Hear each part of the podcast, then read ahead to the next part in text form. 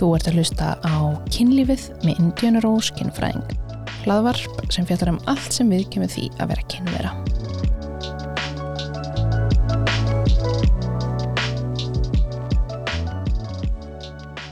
Góðan og blessaðan daginn, heldur mín.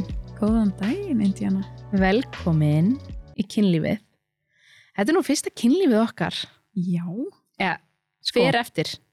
Hvað telst sem kynlíf? Mm -hmm. að því núna vast sjúkarþjálfari minn mjög lengi oft með putta í legangunum mínum Mm -hmm. kemur dól dýtla út, þið verða að hlusta á þáttinn til að skilja þetta, annars var þetta uh, mjög grásvæði Já. en viltu segja mér aðeins frá þér Já, ég er sem sagt sjúkraþjálfari og ég sérhæfi mig í kvennheilsu sem þýðir kannski að ég er svona mikið með þetta að vinna í grindabotninum en það er ekki það eina. nei, nei, nei, nei, alls ekki, ekki bara puttar í legang Nei. Og bara alls ekki, þú veist. En það er bara við nei, Mm. ok, já.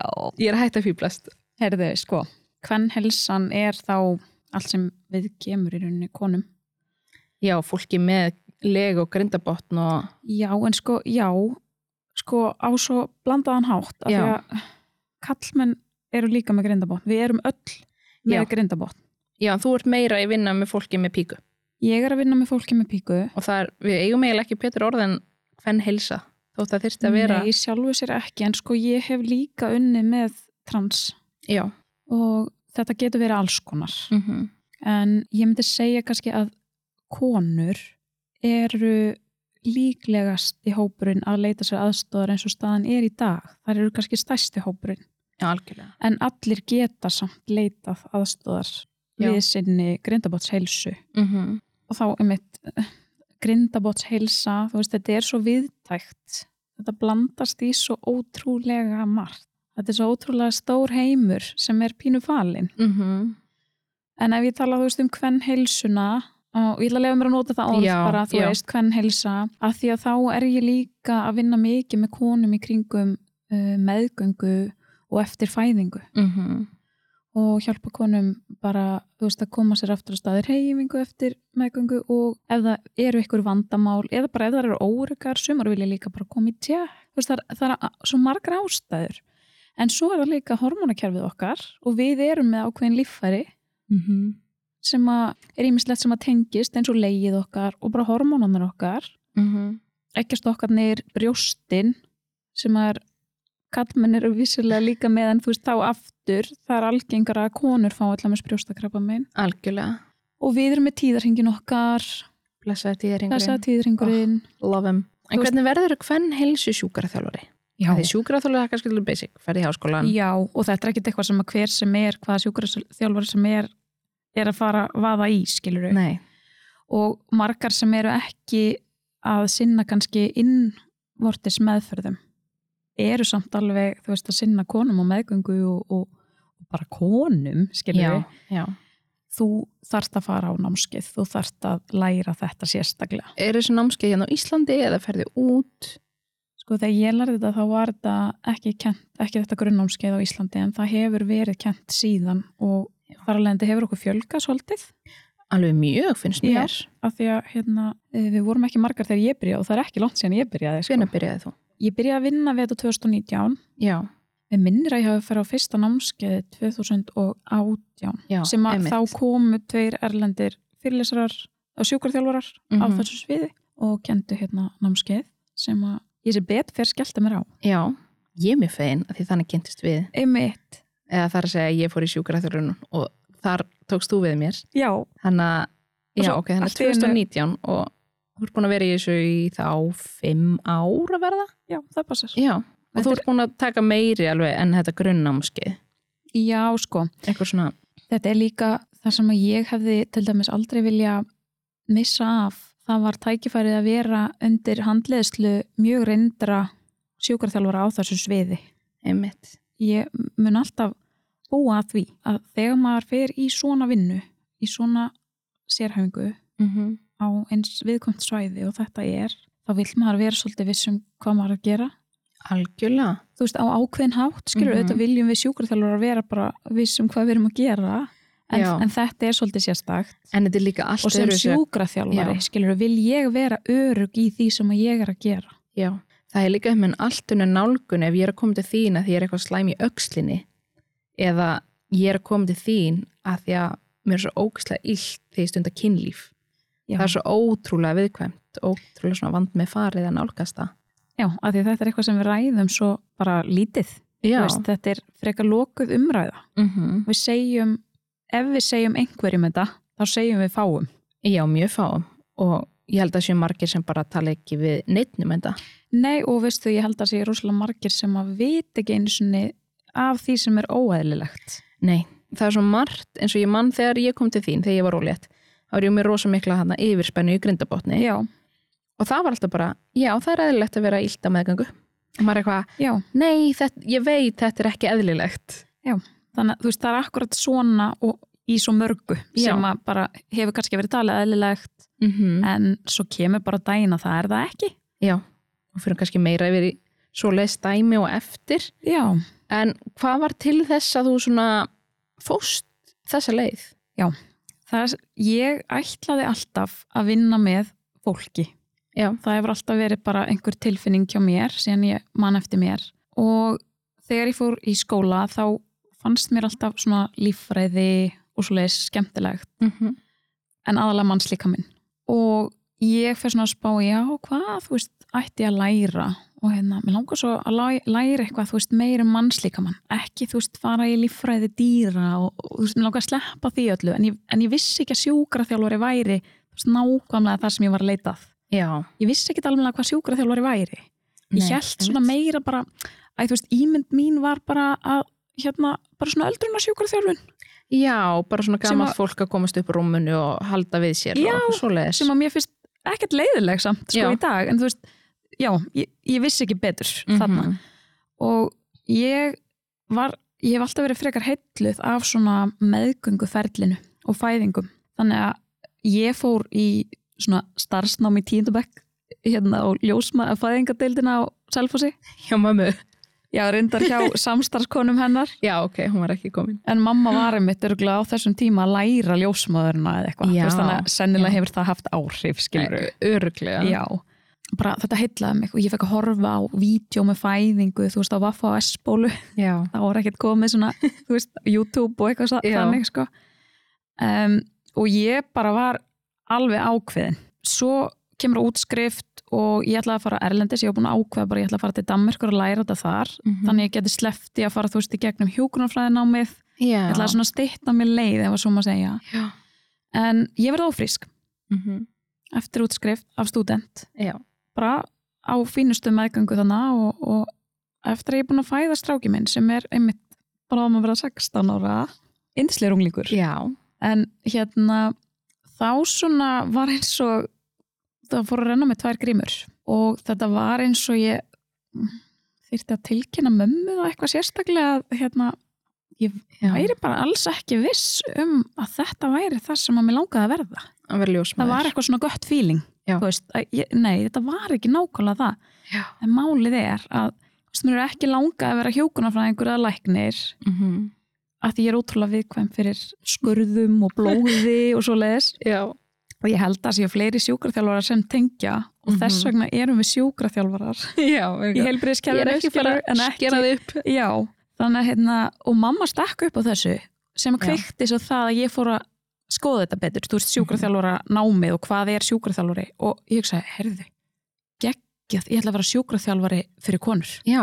Ok, Þannig þannig að að þá- ákast bara strax. Ég sko hugmyndi mín- mín var fætt þarna, bara, Já. þú veist, konur, ófrískar konur, Já. uh, konur eftir fæðingu, konur úst, fara í alls konar aðgerðir á þessu svæði Mm -hmm. mm. úst, bara legnám, upphengisaðgerðir hérna, brjóstnám, alls konar Já. aðgerðir sem að við erum í meiri hluta Algjörlega. svo fer ég bara í þetta nám einhvern veginn, sko það er mjög algengt margir sem að fa- byrja í sjúkurþjálfun ætla að fara í íþróttarsjúkurþjálfun Já. við veit svo sem ekki nákvæmlega Já. hvernig það er í dag en það var svona þannig, það var talað um það meiri hlutin væri að fara í það en það var alls ekki ætlun mín en ég enda þar þegar, ég- eftir útskrift sem að mér finnst ekkert leiðilegt En- af því nei, að nei. íþróttir eru mjög stórt áhómál hjá mér Já.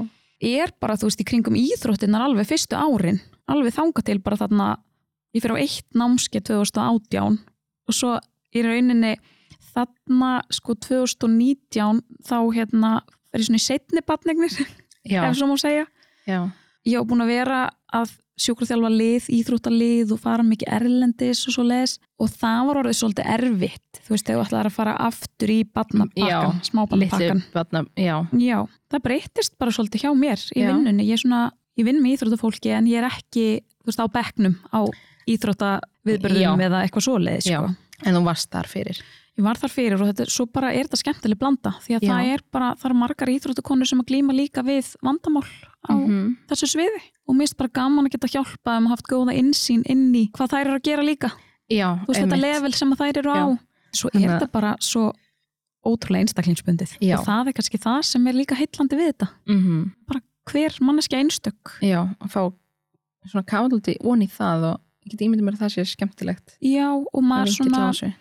maður þarf lúmst að kynnast manneskjunni þú Já, veist, með tímanum til Mhm. að fá bara góðan árangur í meðferð já, og líka þetta tröst Algjörlega. að því þar held ég allt öðruvísi ef við erum að tala um eitthvað innan gæðsalpa venjulega sjúkarþjálfun, kannski bara herri ég er hérna slæm í aukslinni Já, eða hérna grindabotnin það skiptir öllu máli. Þú veist, ég að- myndi kannski þóra að koma til þín á meðgöngu því það er innan gæðsalpa eðlilegt já, já, já, þannig ég er með eitthvað svona grindarvesen á meðgöngu en svo er þetta kannski eitthvað sem er búið að hrjá mann ótrúlega lengi og mun hrjá eftir meðgöngu en þú hefur kannski ekkert, þetta er svona tækifæri til að koma að tala um það já, og veistu, ég veit það bara að það eru margar sem hafa þurft að ganga með þetta í svolítinn tíma áður en þar láta verða af því að koma. algjörlega, Og tröstið er bara þar sem að skiptir öllu máli á milli mín og skjólstæðings, á milli mm Mhm. og skjólstæðings. mm Það skiptir mjög miklu máli. já En hvernig byggjur það upp? Sýna virðingu, Já, hlusta, það er stór partur af þessu mm og mæta manneskjunni með allt sem er í gangi hjá henni já, svo þurfum við í sammenningu að finna leið og Mhm. ég geri það alltaf á forsendum þess sem er hjá mér að Já. leita til mín. eftir hvað henda þeim Já, og hvað þau eru tilbúin að gera já. ég geti alltaf. ímyndið mér að það er rosalega breytt Ég meina, við erum bara svo ólík, þú veist, Já. með þetta að vera opinn og lokuð og, og, mm -hmm. og feiminn og, og rætt, jafnvel. Já, að því ég að því við vorum að djóka með áðan eitthvað putt í lengu og ha, að því það er alveg partur af vinnunni þinni og ég, að því hvernig ég er, þá finnst mér það ekkert mál og ef ég er að segja vinkonum minn frá eitthvað hvern helsu sjúkarþjálun og þú er að fara og þetta var gert og þær eru bara ha, hvað segiru, hvað var hann að gera? Já.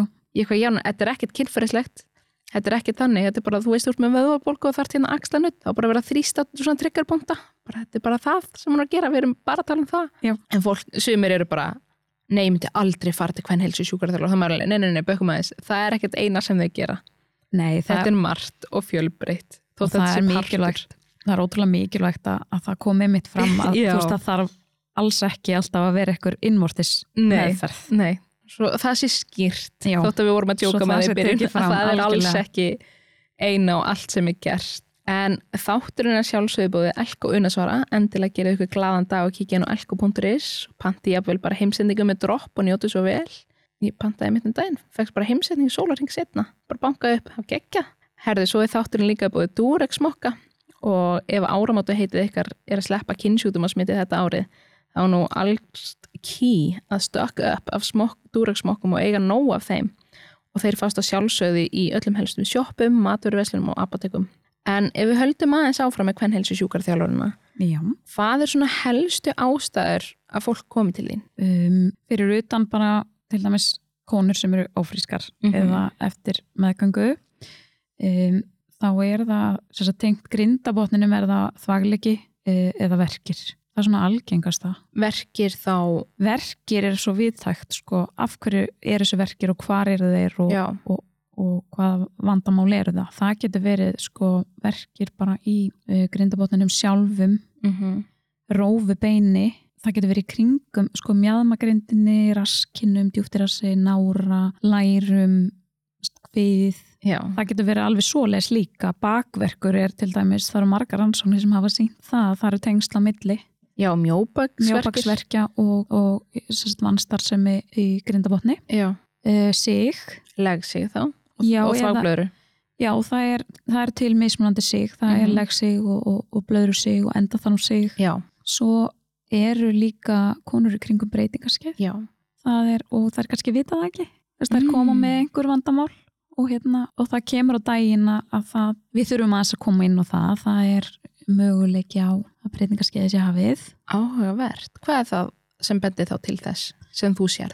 Það er ákveðið munstur bara þegar þær fara að telja upp bara fleiri enginni heldur en kannski Mm. bara nákvæmlega þessi verkur. Já. Af Því að þú veist, ég leitast eftir að fá bara góða sögu Mm og svo er það líka aldurinn. Já, já. Þetta. En já, þetta er svona bara samansapn upplýsinga. Sem þú bara svona tengir við Já, og fyrir að ringja einhvernum bjöllum hjá það þér. er að ringja ykkur á bjöllu. Já.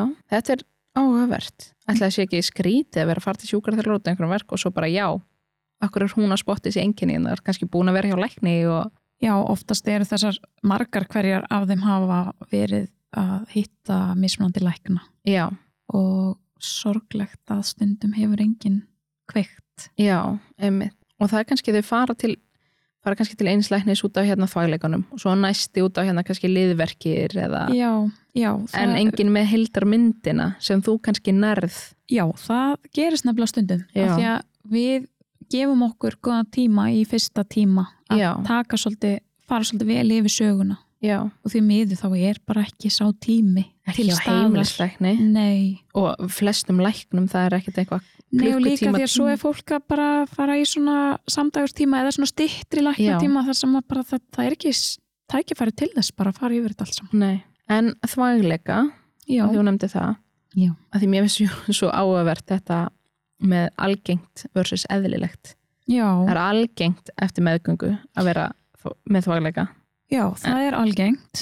en ekki endilega eðlilegt Ekki eftir ákveðin tíma. já, ég er að meina það, Nei. eftir hvað Nei. er það? Og, þú, og það er ekkit bara, það er bara misja. Já. Sko, en þú veist, við erum mörgum mánuðum eftir fæðingu, þá eigum við ekkit bara að sætt okkur við það að við séum við þvagleika að því að við, vorum, Mhm. að því að við erum búin að regnast mat.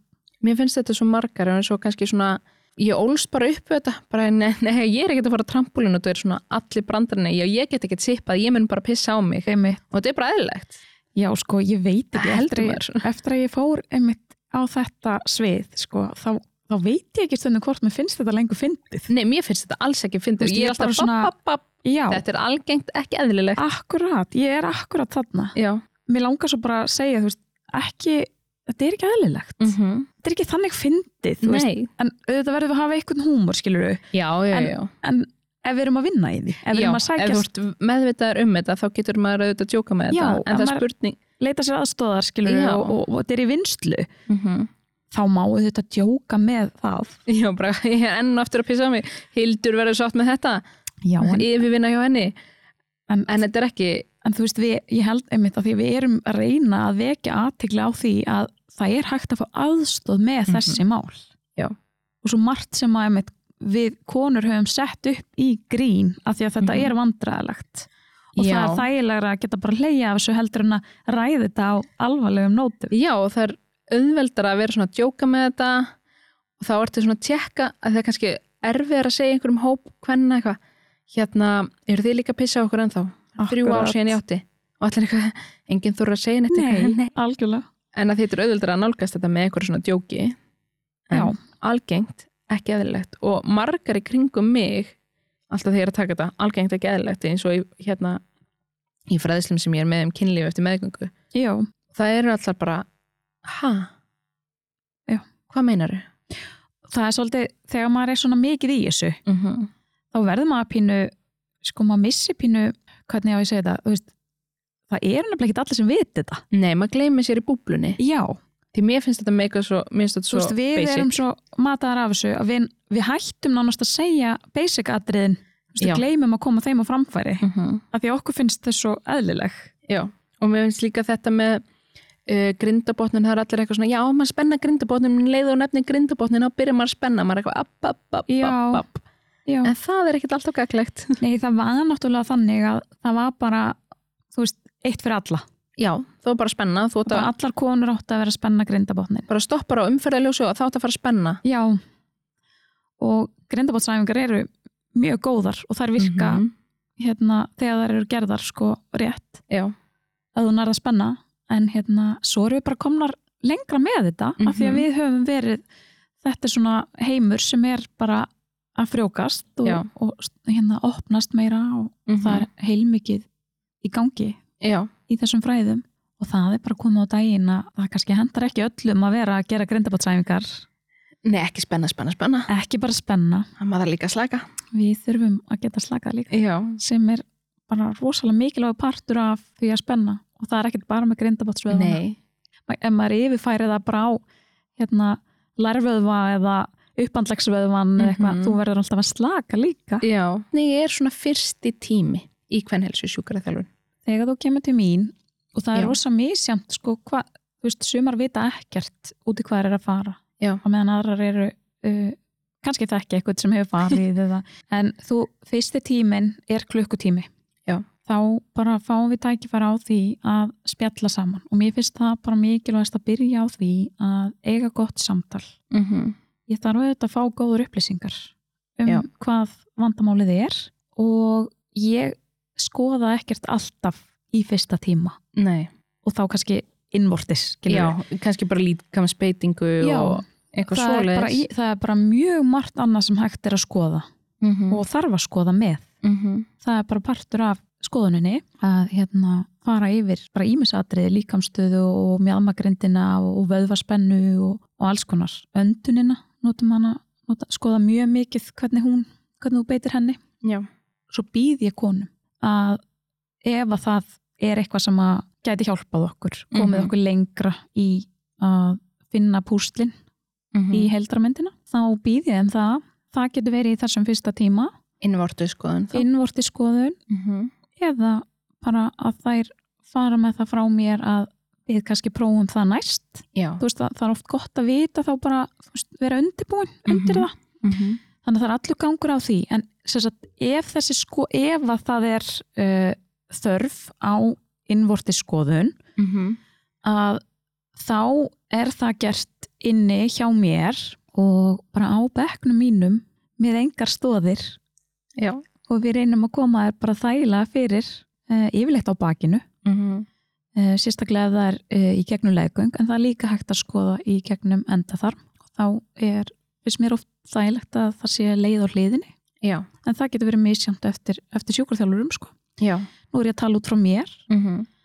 um, og, og ég heil þig með hangklæði yfir með í svæðinuðinu og ég fer og ég er með líkan hjá mér þar sem ég er búin að sína þér hvað ég er að fara að skoða hvað ég er að fara að þreyfa, hvað ég er að fara að gera Mhm. ég tala mig í gegnum það sem ég er að gera til að upplýsa þig Já, og byr þig um upplýsingar á móti spyr Mhm. þig spurninga um það sem ég er að gera og ég tek það líka alltaf fram að þú ræður ferðinni og þú mátt alltaf stoppa og hætta þannig að og, og maður finnur það bara þessi tilfinning með tröstinu og það skiptir svo miklu máli að fara vel með það það skiptir mig öllu máli og það sé Trúi bara þú veist, þægileg tengsl ef það er eitthvað óþægilegt þá ger ég þetta ekki mm -hmm.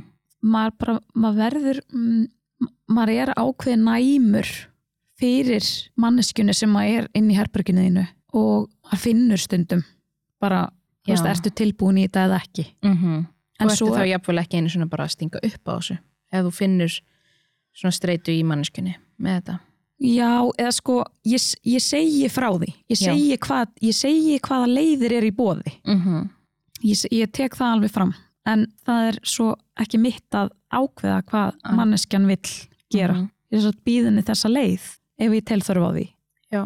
eins og ég segi, þú veist, flestar sem að koma eru að koma af því að það eru einhver vandamál og þú ert tilbúin og sérstaklega þær sem hafa verið bara að leita lengi aðstofar stundum er það þannig að það er búið að vinna með ákveðin vandamál hjá öðrum sjúkurþjálfara og þú kemst bara ákveðið langt, það er alltaf einhvað sem er hann að setur eftir Mm -hmm. stundum er það ástæðan fyrir okkur þær koma svo á endanum þú veist að, já, herðu, kannski eftir að prófa þetta, þessa meðferð, Já, að hitta sjúkraþjálfara sem að bara vinnum með skoðar grindabotnin grindabotnin, já. og hérna, já, það er bara alls konar Já, þannig að fólk er kannski að koma líka til þeim frá öðrum sjúkraþjálfurum já, það er alveg algengt Já. að sjúkraþjálfari vísi mm -hmm. á mig já, mér finnst þetta bara stórkoslega skemmtilegt Mér finnst líka kannski svona verðt að taka það fram að því ég var náttúrulega hjá þér lengi en að þú tekur líka þegar þú ert að fara áður en þú ferð innvortis þú varst líka bara að snerta, þú veist, ytri barmana já, þar var rosa mikið spenna til dæmis í mér og ég er bara svona, já, þarna Já. er vond og óþægilegt og náttúrulega sko, þetta er ekki bara eitthvað bindinn nei, ég meina píkan, Já. grindabátsveðvarnir við þurfum að fá heildar mynda á þetta Mhm. alveg svo að þurfa, þú veist, að þreyfa fyrir mjadmagrindinni og skoða vöðva í kringum þetta svæði, já, að hérna þá er líka utanfrá þurfum við að skoða og, og meta mm og svo ef þú ferð í innvortis skoðun hvað ertu þá að gera? þá er ég að ég er að þreyfa vöðva, Mm. Mhm. grindabátsvöðvana ég er að leita eftir einkennum ég er að aðtuga hvernig vöðvaspennan er hvernig þú spennir hversu sterk er spennan nær það slaka, ég er að bera saman líka á milli, hliða og svo er þarna róbeinið sem maður getur líka þreifað og þvagrásinn og maður er að leita eftir einkennum og, Já. og, þetta, og auðvitað fer skoðunin líka svolítið eftir hvað, hvaða vandamáli þú ert að koma með en já, þetta er svona í grunnum maður er að þreifa vöðvana, Mhm. leita eftir einkennum meta spennuna já, bara alveg eins og þú myndir gera við mig ef ég væri með axla vandamál þá Akkurat. væri að þreifa öxlinni byggja mig kannski um að lifta einhverju hérna, lifta hægra hendinu upp Já. og já, það er bara þannig sem er svo merkilegt, þessi grindabot Já. hann er bara segðu mér hans frá grindabotninu grindabotnin ó, æðislegur já, þú bara, ok, þryggja tíma fyrirlestur hefst Já. núna tilbúin nei, nei, hann er bara falin berla já, og hann er mikilvægur mhm, og hann er, hann er partur af uh, miðjunni okkar eða kórinu eins og er svo oft talað um hann tengist svo stert kviðvöðvum og bakvöðvum og út í mjamir og þindin okkar sem er bara stærsti endunavöðun okkar þannig að grindabotnin er partur af bara þessu þessari Ok. heild þannig að hann liggur svona ef þetta mótskýra, hann fyrir í- hann er, hann lokar mjamagrindinniðina að neðan já, og hann er eins og bara skál eða hengirum sem Já. að heldur, sem að stiður við bara grindarháls líffærin þín og hann er sko, hann á að vinna bara án þess að maður sé að hugsa að hann sé að vinna.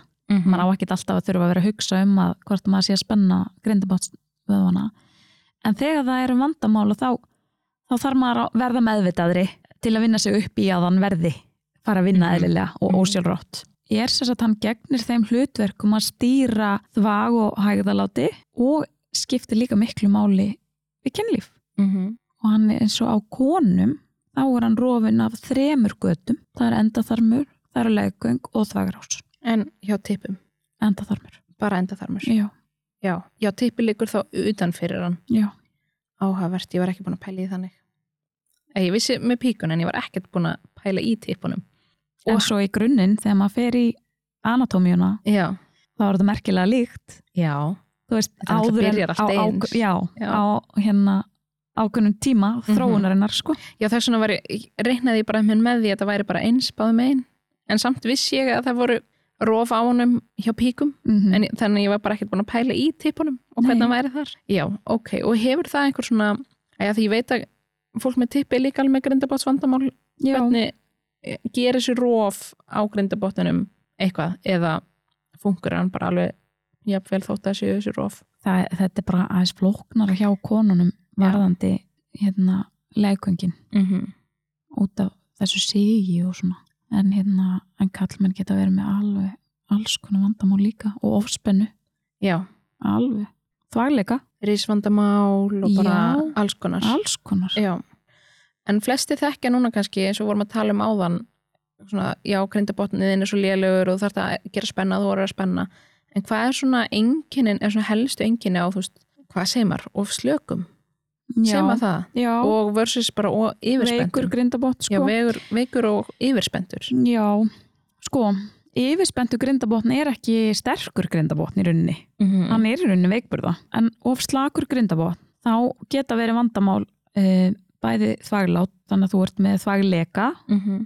hvort sem að það er áreinslu eða bræðaþvægliki en hérna, og sig, það er Mhm. líka tölvert algengt ef að það er mjög slakur Já, hann er grindabotn. mjög slakur Já, ofspendu grindabót er, getur nefnilega líka verið þvægliki þá er líka oft svona vandamál eins og bara á klósettinu sko við að pissa og gúka ná að losa já eins Ah, og já. með sko þvaglát Mhm. að pissa að stundum er erfitt að byrja að pissa þú sérst á klósetti og það kemur ekki eða erfitt að klára Þú einhvern Já. veginn eins og þið líður eins og sért búin en svo stendur upp og þá þartu já, ég skildi líður eins og þú þurfin aftur að pissa strax aftur sko. já. Hægðatregða er helsti óvinnur grindabátsins Mm. og það er oft er Í það ofspennunni. aflegging eða orsök hvort koma undan ekki eða hægða. já, já, ok Sko, hægðatregðan er, getur oft verið partur af því að við halda ástandi í grindabotni já, en það getur líka verið orsökin bara ef Já. að það er rosalegt vandamál um, meldingin er bara ofpúslega nátengt grindabotninu já, og ég- eins og ég tók fram áðan þú veist að þetta er bara svo flókið sko, grindabotnin tengist svo mörgu og það er ekki bara að hann tengist vöðvunum sem eru í kring mhm, heldur bara taugakerfið okkar stóðkerfið allt saman já meldingin, sálin okkar mhm, þetta fer víða þannig að Já. maður þarf svolítið að eins og þetta með sko fyrsta viðtal og að kynnast einstaklingnum Mhm. og, og, og hjálpa með vandamálin það skiptir svo miklu máli að fá góður upplýsingar já, bara um allt já, líka þess að fljótt að koma æ, bara eins og meðgöngu að því þú veist þá eitthvað svona breytist hvernig þú stendur og ég er alltaf að segja konu bara hann er rosalega fljótur að fara í eitthvað vesen Af því Já. það, hann er svo viðkvæmur fyrir breytingum og Og það streitu er og, þetta- spennu og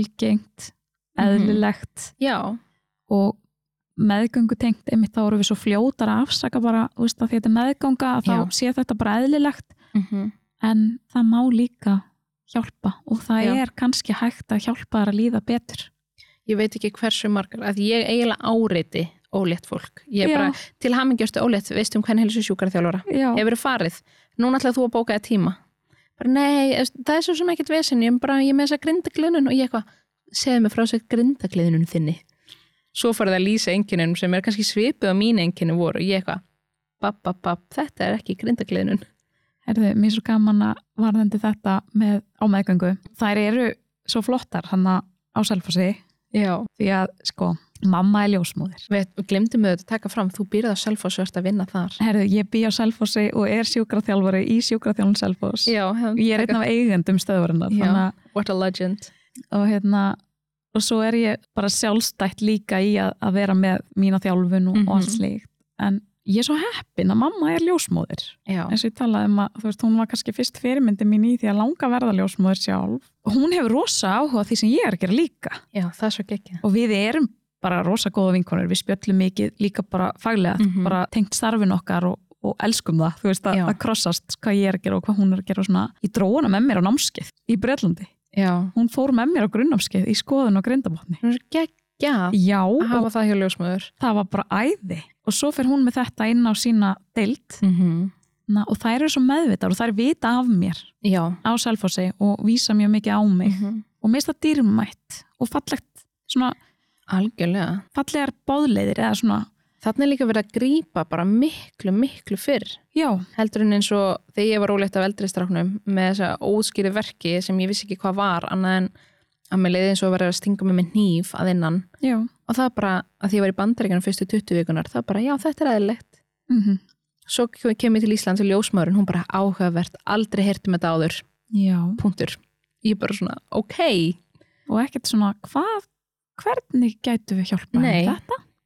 já, en ég held að þetta veri auðveldra núna, Já, vona talandi ég. um, um En kannski er það búblan. það, ég, það er nefnilega málið, Já. er þetta búblan af því að, þú veist, algoritminn náttúrulega stýrir svolítið samfélagsmiðlunum okkar Já.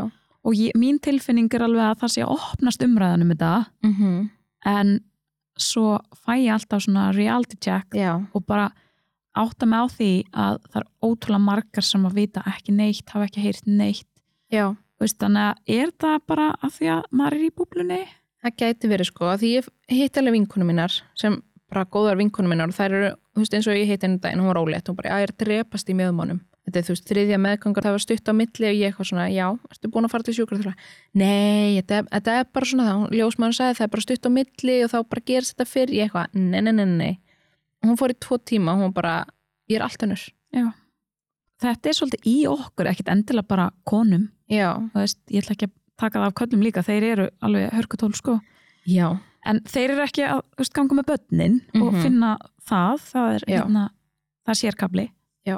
við eigum það en hérna, við hörkum oft eitthvað að okkur og þú veist, við höldum að eitthvað sé eðlilegt þá eigum við ekki að leita hjálpar með það já, og sko, um já, algengt versus eðlilegt Já. enn og aftur, já já, það er alveg algengt að fólk stutt á milli tvekja meðganga er að drepast fyrr, en er það eðlilegt og einhvað sem þú þarf að sætta þig við já, líka bara af hverju ekki að sækja þér aðstofar Já. með það?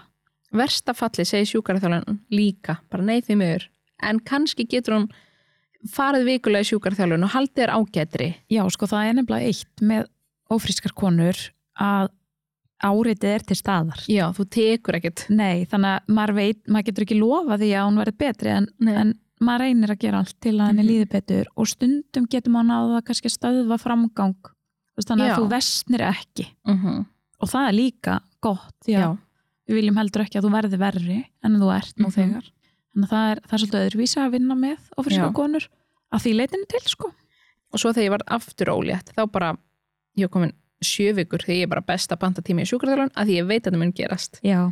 Þá var ég farin Það- í já. fæðingaróla og þá þurftur aftur. ég var bara, ég hef farið til svo margra sjúkarþjálfara af því þið eru alltaf þú og Herdís hérna, sitt og hvað að fara fæðingar og lof Til við mig, skiptis, já. ekki mjög hendugt ógislega astnalegt að þið séu ekki að hugsa út í batnirni mínar, Já, veistu það er stendum alveg hrikalegt. Nú er ég búin að vera sko, í þremur fæðingarólofum á hvað, fimm árum. Já, þú varst ekki að taka til, til Ég var minnskri alltaf einhvern veginn að hætta að fara úr vinnunni þú veist, Já. í orlof og koma aftur tilbaka og eiginlega bara pínum andraðalegt sko, en, en indislegt að eiga þessi börn, skilur Já, já, við, þetta bara já, já. hendar ekkert alveg svona, Nei, ekki út frá mér ekki út frá skjólstæðingunum og indíönu og á svona, Indínu, aðalega það og þú ert ekki einn sem að er þarna. Nei, ég get ímyndið mér að séu margar Já, En þá um mitt vissi ég bara, ok, ég fer bara strax já, og það er svo gott Og það var einmitt ekki hægt að kannski laga þetta Ég fór þá bara vikulega Og þá til að líða til betur. að líða betur. Til Ég að vissi við- alltaf svona, þegar voru svona tveir, þrjú dagar í næsta tíma, þá var ég orðin slæma aftur erfitt að Já. sofa á það. En ég vissi bara, já, ég er að fara þrjóð dæn. Og þetta hjælt þér Mhm. betri heilt Algjörlega. yfir Já. Og eins og setni meðgangan, ég var miklu betri heilt yfir þar heldur en fyrir meðganguna. þú grepst fyrr Að því ég bara Inn í. fór miklu Já. fyrir inn í. þú vissir bara hvað þú þurftir þú Já. þekktir þig og það, er, það skiptir auðvitað máli hjá okkur -hmm. að þekka sjálfur okkur Já. og við öll að þekka grindabotnin okkur Mm það er líka mikilvægt, bara Já. til að vita hvort að þú sért að spenna og slaka og allt þetta bara, bara þessi grunnatriði, þó að það sé Já. engin vandamál bara, þú veist, að vita hvar hann er Og líka kunna spenna. Ég maður Já. þegar ég var hjá þér, þú eitthvað, ég er spenna, ég eitthvað, mm, er spenna, þú eitthvað, það er ekkert að gera stundjara. Nei, og þú En veist, þá og var ég auðvitað í algengt yfir Og svo bara, ok, slaka, og ég bara, er ég að slaka, þú eitthvað, ekkert að gerast það er bara, ég eitthvað, úf, að því ég bara hafði ekki tenginguna við Nei. þetta. og þetta er svo yndislegt þegar að þú veist, þessi heimur opnast Mm -hmm. bara allt í einu þegar við náum betri funksjón þarna Já. að þá svona fyrir ykkur góður bolti að rúlla Mm -hmm. þess vegna kannski finnst mér þetta litli líka hlutir. já, mörg lítil atriði sem Já. að skipta máli Og líka eins og með að spenna, ég held að ég var að spenna þú okkar, nei, þú ætti ekki að spenna rassin. Já. Þá var ég bara að spenna gjörsamlega vitlaust. spenna rass og læri og halda inn í sér Já, andanum bara- og jafnvel rempast Já, ég var bara, ég er að spenna, þú okkar, indíðan að slaka á rassinum, ég Mhm. eitthvað, þá, þá kann ég ekki spenna. Bara, um Hvernig á ég að spenna þarna niður að þess að spenna rassin? Og það eru margar þegar ég segi þetta, það eru bara, ha, á ég ekki að spenna rassin. Ég eitthvað, nei, maður víst ekki að gera það. þú veist, nákvæmlega þetta, bara fræðslan Mhm. að fá upp, réttu upplýsingarnar Já. bara basic mjög basic, Já. kannski fyrir þér þetta, bara spenna, þú ert örgulega bara að spenna rassin hvernig datt er það í hug já, í búblunum þinni, en ég var bara hvað meinar ég á ég ekki að spenna rassin Einmitt, nei sko líka bara okkur er kent svo margt svona almennt með líkamann okkar en okkur er kent rosalega lítið og þá kannski einmitt komum við inn á kynfræðsluna það sem að þinn heimur er það er bara svo margt sem okkur er ekkert kent mm -hmm. Ge- og grindabotnin er alveg partur af því bara stór partur Já, um, Þú nefndir aðeins áðan með grindabotnin og kynlíf Já. hvað gerir grindabotnin í kynlífi? grindabotnin er sko þú vilt hafa að þú getur spenntan þetta eins og ef Mhm. þú ert með bara tippi í píku Já, þú vilt geta greipið og fengið og mögulega veitt já meiri unnað. mm Þú þarft að geta slakað á líka algjörlega því að það getur verið vandamál ef að þú ert ofspennt og það getur bara tengst verkja Þú getur fengið verki við kynlíf, alls konar kynlíf, bæði innsetningu og bara einhvað inn í legung en svo getur þú líka verið verkjuð bara á öllu svæðinu utanfrá Já. líka. En hvernig, hvernig verk erum við að tala um? við getum verið að tala um alls konar verki, við getum verið að tala um brennandi sáranverk, stingi svo getum við verið að tala um bara spasma líka Mhm. sem eru bara ósjálfróðir vöðvakipir líka eins og í gegnum leggöng ef að það er segjum tipi Mhm. að það getur verið grund, það getur verið nálagt opinu, það getur verið djúft, það getur verið mismunandi eftir stellingum af því það er kannski einhver staðar í hérna ákveðnum stað í veðvakerfinu þar sem Mhm. að er einhver sti, hérna afspanna eða einhver tryggjapunktur þannig að það er alls konar Mhm. Og hvað hva gerir maður? sko það fyrsta er Já. kannski bara að átta sig á því að þú veist, þetta er til staðar Já. og þetta sé ekki aðlilegt þær komast nú stundum bara að því í tíma hjá mér þær koma Já. ekki út af verki kynlífi en Nei. ég spyr alltaf um það Já. Að Þannig að það- þær eru kannski bara með hérna, þvægleikan eða já, ein, eitthvað. einhverju vandamál og, og, og ég spyr út í þetta hvort það séu verkir við kynlíf og þá kemur að daginn að já, Mm. það er já, Já. í ákveðnu stellingum eða Já.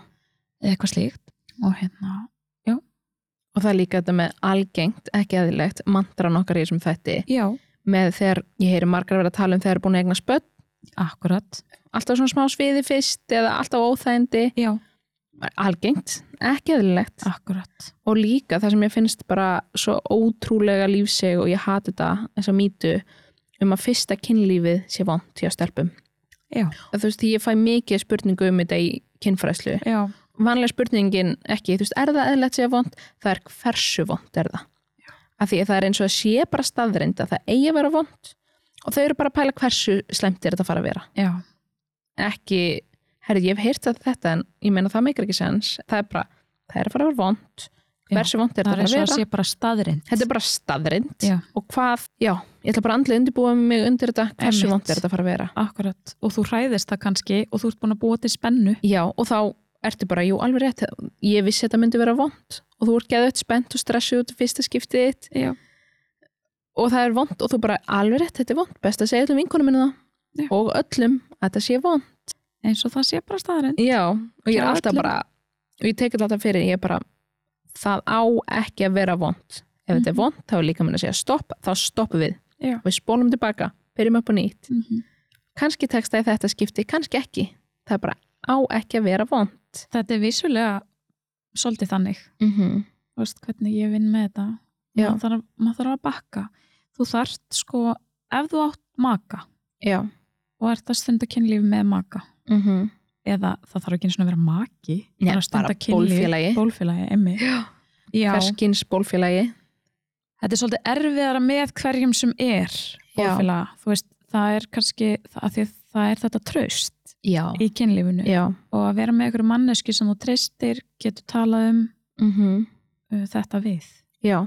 því að þetta þarf að vera upp á borðinu Já. hinn einstaklingurinn þarf að vera upplýstur um þetta vandamál Já. af því að þið vinnið í þessu saman stundum þar Já. kynlífið þú veist, undirbúning Mm -hmm. og þá erum við að tala um jáfnvel bara öndunaræfingar einhverjar hugsanir, Já. slökun náðir bara þannig að þú sér tilbúin og náir að slaka niðri ef að Mhm. það er vandamál, þú veist að Já. vera að spenna á móti Já. Já, líka ef við fer aftur í unglingstelpunar eða fólk sem er að stunda kynlífi fyrsta skipti. Og það, að því ég tala um þetta, þú veist, með samþykki og mörg. já, Svo er ég bara, ef ég er að fara að sofa hjá, að því þau eru alltaf svona, hvernig veit ég hvort ég sé tilbúin? Hvað er ég gömul þegar ég er tilbúin? mm og maður svona, grunnpæningin er kannski að þú ert að fara að stunda kynlíf með einhverjum og þú treystir þér ekki til að segja við þessa mannesku nei, þetta er óþægilegt, mér langar þetta ekki mér langar að prófa þetta, gerum þetta hins vegar svona þá ertu kannski ekki tilbúin að stunda kynlíf með þessari mannesku kannski er einhver önnur sem þú ert tilbúin með en að hafa þetta í huga svona, ef þú ert að fara að stunda kynlíf og þú hugsar, vá, ef það væri svo vond hvað myndi ég þóra að segja? Nei, bara hildur, mér finnst þetta óþægilegt þetta er bara frábær punktur af því að þetta er bara svo einfalt af Já. því að og alltaf Já, ég Sama við kannski hvernig bara við hef stundum stund að kynlíf. kynlíf með fólki en svo er ég kannski með einhverjum og ég væri bara öf, hugsa út í ef það er einhver óþægilegt, meika ég að segja við þessa mannesku hvernig finnst mér væpið frá þessa mannesku finn ég tröst Akkurat. og t- hvern treyst ég þeim til að bregðast rétt við Já. þeim upplýsingum ég Já. segi þetta er óþægilegt og sem er, er líka með bara fullorðið fólk Já.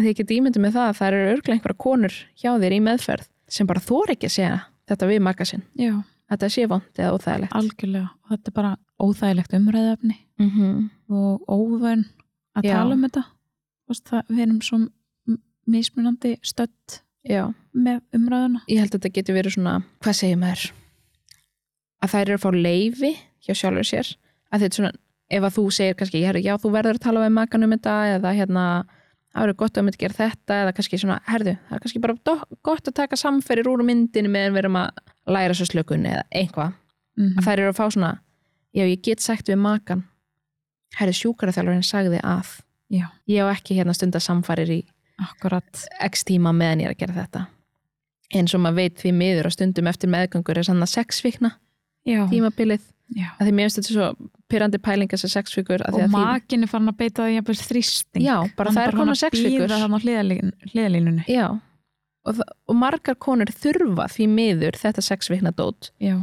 til að halda allafana sex vikur Já. og ég get ímyndið mér að margar nota já, Og það- sjúkaraþjálfurinn sagði og það er s- engin skilningur nei, og þína tilfinningar eru ekkert Nei. tegna með inn í myndina þetta er bara hlutverk þitt sem já, kærasta mín eða kona mín eða, um, ok, þannig að þetta er kannski svona verkir þá við líka í opunu minnst margar, já, þegar ég tala um það að þú veist, þú ripnar kannski í fæðingu og svo grær það eða þú veist, þú ert saumið saman og þar getur myndast svona örvefur Já. sem þarf stundum bara að tegja á já, og það er ekki að vera svona eins og sviða eða bruna tilfinning einmitt og ég get stundum hjálpað með það mm Mhm. -hmm.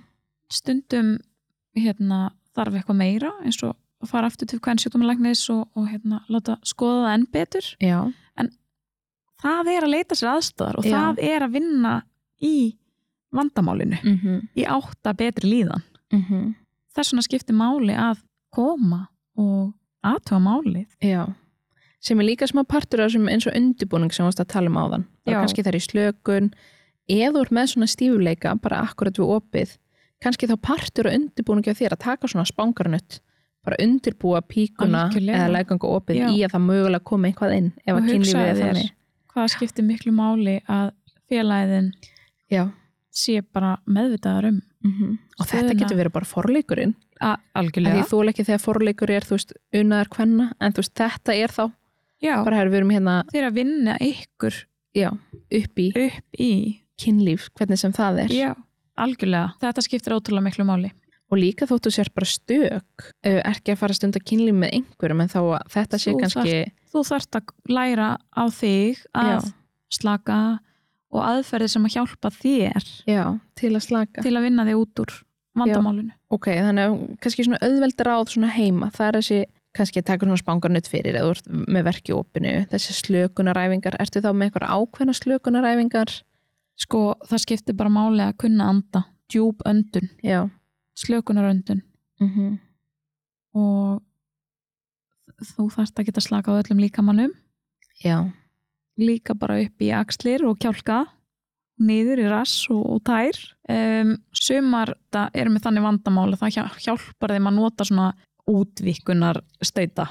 Já, þá ertu með alveg rosalega grannan, bara svona minn en litli putti já, og svo svona, það Og eru svo fimm í sta- setti eða svo eitthvað stækkar hann eða breykar, þvermálið eikst já, og þannig ert þú að, og þetta er þegar að opið er svo þröngt já, að það kemst ekkert inn, já, það er bara það mikil spenna já, að það er bara Já. lokað Já. og það, og það er mismikið Mhm. lokað, þannig að maður þarf að finna líka bara hvar maður byrjar að því það á ekki að vera vond já, í byrjun, þannig að það, sumar nýta sér það mm og það er bara heimavinna, Já. þú ert að vinna að þessu mhm, og sjúkraþjálfurinn er að hjálpa þér leiðbina þér um, svo líka hægt ef að það er svona er algengt með þær sem eru með ofspennu vandamál já, og eru þú veist, með tryggapunkta í grindabátsvöðvunum finna verki við ákveðnar stellingar mhm. ekki beint í opinu heldur bara þegar að uh, tippið er inni að þá getur þú nota svona nutvönd já og Við- þeir eru mismunandi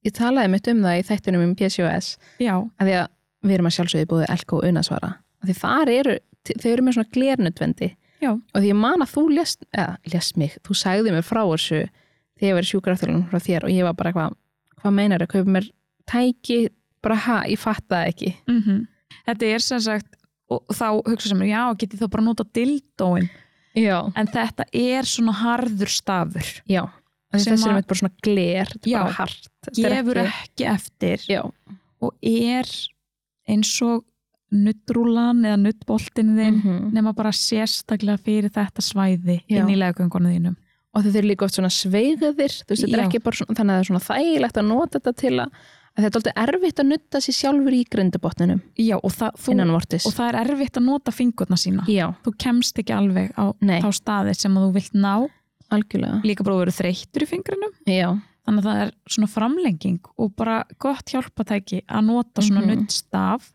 og ég fer oftast með mínum konum yfir stafinn kenni þeim að, að nota já, hann um, og svo þarftu líka bara að venjast í aðeins já, ég man, ég held að ég kom sko með Já, getur það ekki verið, ég, kom- ég kefti þess og kom ég bara eitthvað, jú, komst Jú. með stafinn þinn jú, ég bara eitthvað, jæja, best að fara með kynlistæki mitt í sjúkraþjálfun, Já, gler til dúin já, þú síndi mér þá bara hvernig ég nota en það er mjög áhugavert að því að maður var búin að ég var búin að vera eitthvað svona sjálf að reyna að nutta en þetta var svona, já, já, svo Bara svona þannig að tól til maður að kemur nota. með smá punta sko og þá Já. svona, þú veist, þú kemst á sporin með þetta Já, og bara svona ég læriði sem bara er hverju ég mundu er að Eh, eftir sleipefninu Já, einmitt, og svona læri hvað maður er að leita af og Já. svona hvaða tilfinningu Já. og svona og, og, þa og þá skiptir líka svolítið máli sko, þetta er ekki kannski það fyrsta sem ég bendi er á þegar þú kemur til mín Nei, um, við þurfum að vera búin að ná svolítið utan um vandamálið og, mm og þannig að þú veist, við viljum ekki fara að vera með kannski ofur mikið áreiti líka fyrst nei, einmitt og þetta er ekkert eitthvað þrísvara dag, allar daga nei, alls bara með, ekki eins og með aðra æfingu og, og sumum finnst pínu flóki bara að komast í þetta yfir höfuð Já, það er þannig aðstæður bara mm Mhm. því að maður vill geta gert þetta í friði já, en þú veist, í baði eða styrtu mhm sem dæmi já og ef við förum aðeins inn á því þú varst aðeins að koma inn á það þess að hafa gefið inn nafn vaginismus, þessi mikla og svona vulvodínia já getur sagt okkur aðeins frá vaginismus það er, sko, ég rugla alltaf saman það er vaginismus sem er spennan Já, það vulvodynian. kemur ó, ósjálfa, já. Sko, vakinismusin er, þá, þá er að koma ósjálfráð spenna við opið. Já, og það er það sem þú varst að tala um bara svona að það er lokast Það lokast bara opið. Já. Já, og þetta er kannski mismunandi mismikið já en, en, misalvarlegt og Já. hérna, og þú veist, við erum að tala um að sko s- konur eiga í vandaræði með að nota túrtappa jafnvel eða geta Já. ekki farið í skoðun hjá kvensjúkdómalækni mm um, og hvað þá fengið eitthvað starra já, upp í legung Já. hvort sem það er tippi eða eitthvað hjálpartæki eða, mm um, og maður kemur, já, vil ekki fingrinum Já. sjökurþjálfari þannig að þá skiptir ofbúslega miklu máli að vinna líka með margt annað já, í kring, skilur öndun og líka ná bara að slaka á líkamannum mm við erum ekki að reyna að slaka einangrað bara á grindabótsvöðunum já já, er ætla að slaka og já, þetta er bara þetta er eitthvað sem að gerist ekkit bara á einu skipti Þú veist, Nei. þetta er bara, þetta tekur tíma mm og það þarf að vinna í þessu já. það þarf að vinna þetta niður og hvað veldur vaginismus er eitthvað svona það er, það er ýmsar ástæður já, en töluvert algengt að hafa orðið fyrir ofbeldi já, kynferðslu ofbeldi mm eða hort upp á það jafnvel já, um, þú líka bara afleðingar eftir til dæmis fæðingu ef að þú átt slæma reynslu slæma fæðingar reynslu já um, andleg heilsa mm Þú veist, þetta, þetta er svona þetta, er, já. Þetta- þetta er kannski svona helstu en svona helstu, já, Já. en vulvodínia verkir bara yfir svæðið já, bara í svona í og það getur verið á öllu ytra uh, svæðinu já, þannig að sko já, það, þá það er eiginlega sko auðvitað við- svona gott að mismuna greina vandamálið já af því að þarna kannski þarftu ekki að vinna sko að vika opið -hmm. en maður er samt að vinna niður ákveðið Já. spennustig og og svo þarf maður líka að útiloka bara alls konar taugatengt og já, og það líka, þú veist, að átta sig á bara e, hvað er mögulega að valda já en þetta er kannski svona smá útilokanar já, líka já við þurfum að gera það, Já. já, og eru að ég veit eins og með vaginismus og vulvatínu að fólk er oft kannski hjá þér en líka samhliða þú veist, með kannski einhvern kvennsjútumalækni og svo sálfræðing líka sálfræðing líka já, já, og mér fannst sko, þegar ég var nýlega byrjuð í þessu, þá fer ég á ótrúlega stóra verkjaráðstefnu já, uh, Býtu, hvað hétt hann aftur? Já, bara pelvic pain já, verkjaráðstefna og þann, þetta var þvegfa, þvegfag, verðfagleg þverfaglegt síminn var að vera batterislis, ég Já. vona að það hafi vistast alltaf, sem sagt, já, þetta var þverfagleg ráðstefna það voru læknar sjúkraþjálfarar, hjúgrunafræðingar sálfræðingar eh, næringafræðingar um, já, ég, þú veist bara allir bara, kynfræðingar eru örugglega líka já, jú, það voru líka kynfræðingar já, já, og þetta var svo áhugavert að því að rauði þráðurinn í gegnum þessa ráðstefnu var teimisvinna já, og bara og það er svo sterkur þáttur að því að við erum bara mhm, aðili, meðferðaðili og vinnum miklu betur samhliða já, öðrum þegar það eru eins og áfallasaga Já. og, og, og slíkt því að því miður þá eru s- oft vandamál tengd ofbeldi já og það getur verið áfallasaga og það væri líka örugglega svo miklu betur þetta að þú ert kannski, já, þú ert hjá sálfræðing ok, en að þú, sálfræðingurinn og læknirinn gætið rætt saman, þú veist, með skjólstægnum Já, að þið vorum með hérna kynfræðir ástefnu hérna á Íslandi 2021 og þar var aðlum, þú veist, frá Noregi að segja frá, bara svona pelvic health center, bara Já. grindabot og þar bara ef að ég myndi koma þá hitti ég kynfræðing, ég hitti sálfræðing, ég hitti lækni sjúkraþjálfur og hjúkunarfræðing það er bara svona fundur og ég segi hvað vandamáli er og þau er svona, ok, við erum stingum og þú veist, bara klukkutíma fundur eða eitthvað já, farið yfir helstu enginni og læknirinn segir kannski, herru, já, hérna, prófum hérna þessi vöðvaslakandi lif m- með hérna, þú veist, þannig að þetta er þetta þverf, þverfaglega já, þessi vinna saman já og þið eru að tala saman. Þetta er lítið á Íslandi Já, og það er bara því miður, það er ekki einfalt að vinna með læknum. Læknar og Mhm. sjúkurþjálfarar eru, þú veist, þetta, þetta flýtur ekki nógu vel saman Nei. á Íslandi. líka eins og það sem, að því að ég, ég man ekki hvort það var sjúkraþjálfari minn eða vinkunum minn sem er sjúkraþjálfari voru að tala um þetta að hérna svona sögukerfið, þið glósið ekki þar inn og læknarnir sjá það. Nei, við erum með alveg sikkur kerfið, sko. Já, sem er galið, að því svo fyrir ég kannski til læknir svo ég eitthvað, herðu, hún sagði, oh, hvað sagði hún? Að því ég man ekkert hvað þú, Já, bara, ég, svona, oh, ég held hún vildi að ég fara í einhverja myndatöku, uh, veit ekki alveg hvernig myndataka það var. Í já að það staðan er svo fyrir bara að- einhvern þú veginn veist. tíminn. Þú veist, Já, það, það hefur engin tíma til að vera að eiga samskipti við næsta mann í nei, rauninni. Þetta er allt kapp við tíman. já, líka en þess vegna var líka bara ótrúlega gaman að vinna á landsbytalanum já, á göngudeild grindabots og mhm, vera í teimisvinnu já, vera í samskiptum og samvinnu með öðrum stjættum mhm, þannig að bara ég læriði ótrúlega mikið af því mhm.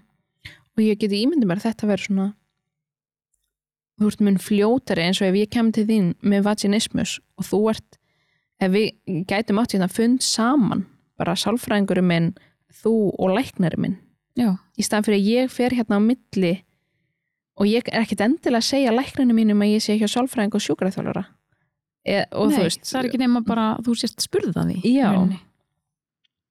en ég get ímyndið mér að þetta myndi vinna miklu fyrr á svona vandanum já, að því eins og líka með hann að hann að vaginismus pain cycle já, sem ég finnst svo áhugavert að benda fólki á Já. að ok, ég ætla að fara að stunda kynlíf og þá verð ég stressu fyrir því þá spennist ég ennþá mér upp og Já. þá verður það vond Mhm. og þetta fer bara svona ringa svona eftir ring vítarhingur sko Já, af því þá, það var vond að ég varð stressu fyrir því og þá næst að hugsa, þá var ég ennþá stressaður Já. og það var ennþá verra bara lúpa og sem bara að hvernig ætlar að brjóta, brjóta hennan vítarhing. Já.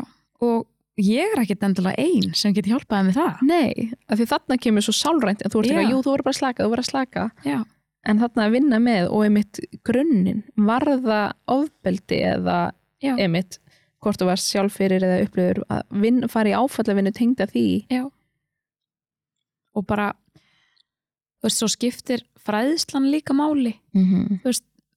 að vita vita hvaða, hvaða hvað er þetta, já, Þú veist, grindabotniðin, þetta svæði mm Mhm. legungin, já, endaþarmur það á ekki að þurfa að vera ont að stunda kynlíf Nei, og bara þú veist, hvernig virkar þetta svæði, Mhm. hvernig virkar þessi líffæri og já.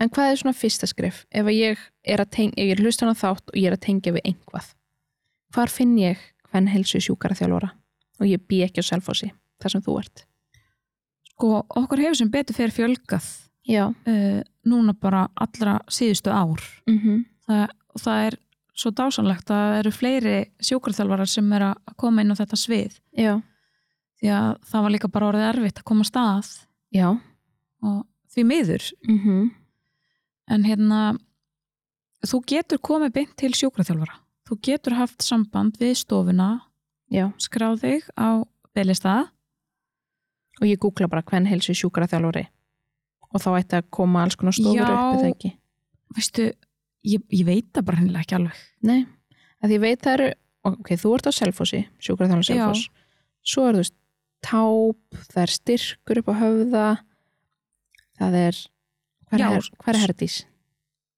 Herdís er Stígandi. komin í stíganda Það er Stígandi, svo er það í sjókarþjálfun Íslands já og hérna, hvað heitir kjarni, það? Gáp Nei Þetta er ekki Gáp sem ég fór fyrst, Bólholti nei, Nei, gáski Gáski Já, svo er Gáski Þannig að þetta er á mjög mörgum stöðum núna Já, þetta er orðið og, og svo fyrir norðan, Já, hvar er það? Akureyri Já. Já, þannig að maður þarf kannski að googla, en ok, þannig ég googla, finn mér eitthvað hvern Ég helsi held að- sjúkara þjálfara. Ég held ég verði ekki að það sé ekki eitthvað svona staður þar sem að þú veist, það, við erum allar þú veist, Nei, ég, það var af því að- einhver búin að að því ég taka þetta finn- saman einhvern af Því tíma. ég finn það sjálf sko að þú veist, ég er, veit ekki eins og um allar sem að eru Já. til þess á höfuborgsvæðinu Já. Þú veist, Ég þekki í rauninni bara þær sem ég þekki Já, og get vísað líka á þegar þær orðin þess að margir núna. Já, að því að okkur fjölgaði sko en við erum, okkur er að fjölga á Salfossi líka Já, og þú veist þannig að þetta líka skipti máli að geta rætt þetta við aðra já, í stjættinniðinni já. Bara ég er með skjólstængir að díla við þetta. Já, Hefur einhver reynslu, já, ok, er þú geggja góð í akkurat þessu? já, Ég vísa þér Akkúrat. þangað. Já, þú veist, það, það, mér finnst það að skipta líka máli og, og ég er að meta það að við séum orðna fleiri líka bara Já. á Salfossi, ekki það að ég bara á góða vinkonur í þessu sem að já. ég hef bara rætt hluti við, sko, Mhm. geta leita til að því að ég hef alltaf verið ófeimin við að, að spurja þegar ég veit ekki eitthvað eða, eða Mhm. vantar eitthvað svona second opinion eða þú veist, að, að ég veit ekkert alltaf allt og ég er ekkert best í öllu Nei, Þú veist, ég er svo bara þú veist, líka að safna reynslu og, og læra meira og, mhm. og verða betri sko já. En ok, ég er búin að finna sjúkara þá kem ég í bóka. Já, Og af því þetta maður þarf ekki tilvísun. þú þarft ekki tilvísun fyrstu sex skiptin Já, í Eh, sjúkurþjálun af því það er alveg skref af því ég, veit, marg- ég er alltaf svona Já. áreita óleita konur farið sjúkurinn bara æ, þá, ég er að fara til ljósmörnar hann eftir þrjár vikur, ég byrð þá um beðinni ég eitthvað, nei, nei, nei, þú þart ekki beðinni strax það er nefnilega málið og svo kannski finnst þér áþægilegt að þú veist ekki hvað átt að byggja lækninum já, þannig að þú getur komið beint til sjókurþjálfara já, og eins og ég segi, þau gemur í fyrsta tíma þú, það, það er ekki ráðist á þig Nei.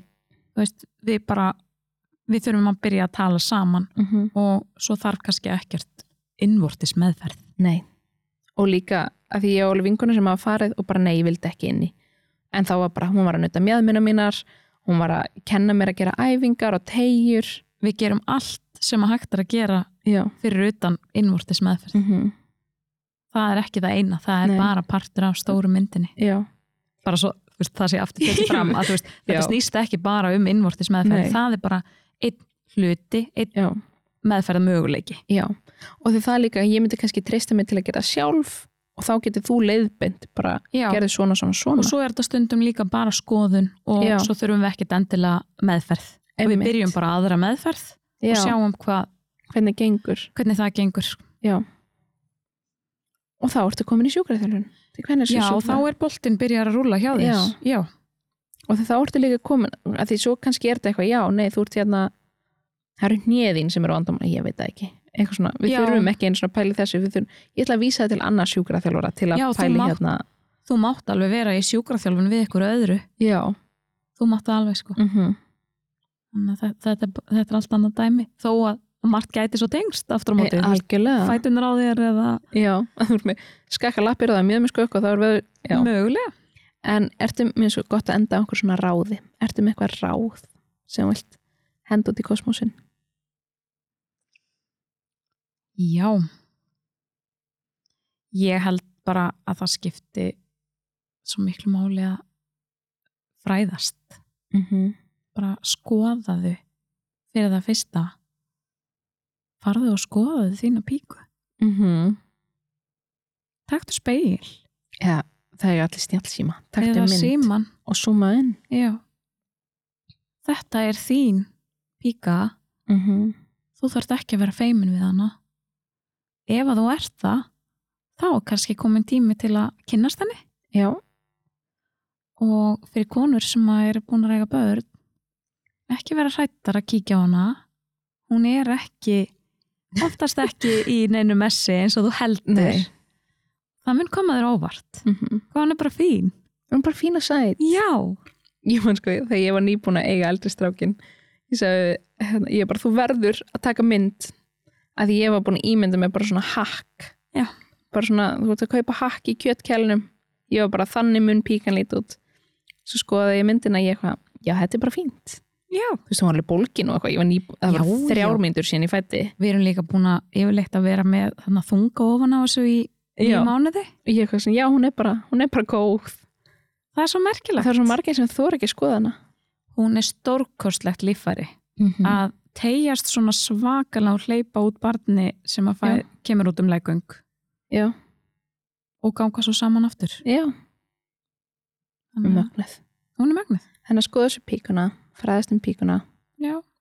það er ekki ekki leita sér aðstóðar ef það er einhvað sem Já. er ángra þig En hvar getur maður fundið þig? Hildur mín. þú getur fundið mig á Instagram Já. undir Hildur Gríms Mm -hmm. þú getur líka fundið mig í sjúkraþjálfun Selfoss Og er ekki hildurgríms.is líka svo er ég með hildurgríms.is að sjálfsögð? það er bara þú veist, það er ekkert geggjuð heima síðan eins og er Það bara vefur í vinslu. það er við yfir í Þú vinst ert að koma úr fæðingarólu við Hildur, við erum að fara í þetta. Herðu, já, við getum tekið heilan þátt um það hvað hausinn, Já, hausinn langar að gera mikið. já, En ég er bara búin að vera í batna uppeldinu. já. En takk aðeinslega fyrir komuna. Takk fyrir mig. Ekki að þáttur, ég segi það alltaf, Hildur, ekki ekki. Svett að heyra. Ekki.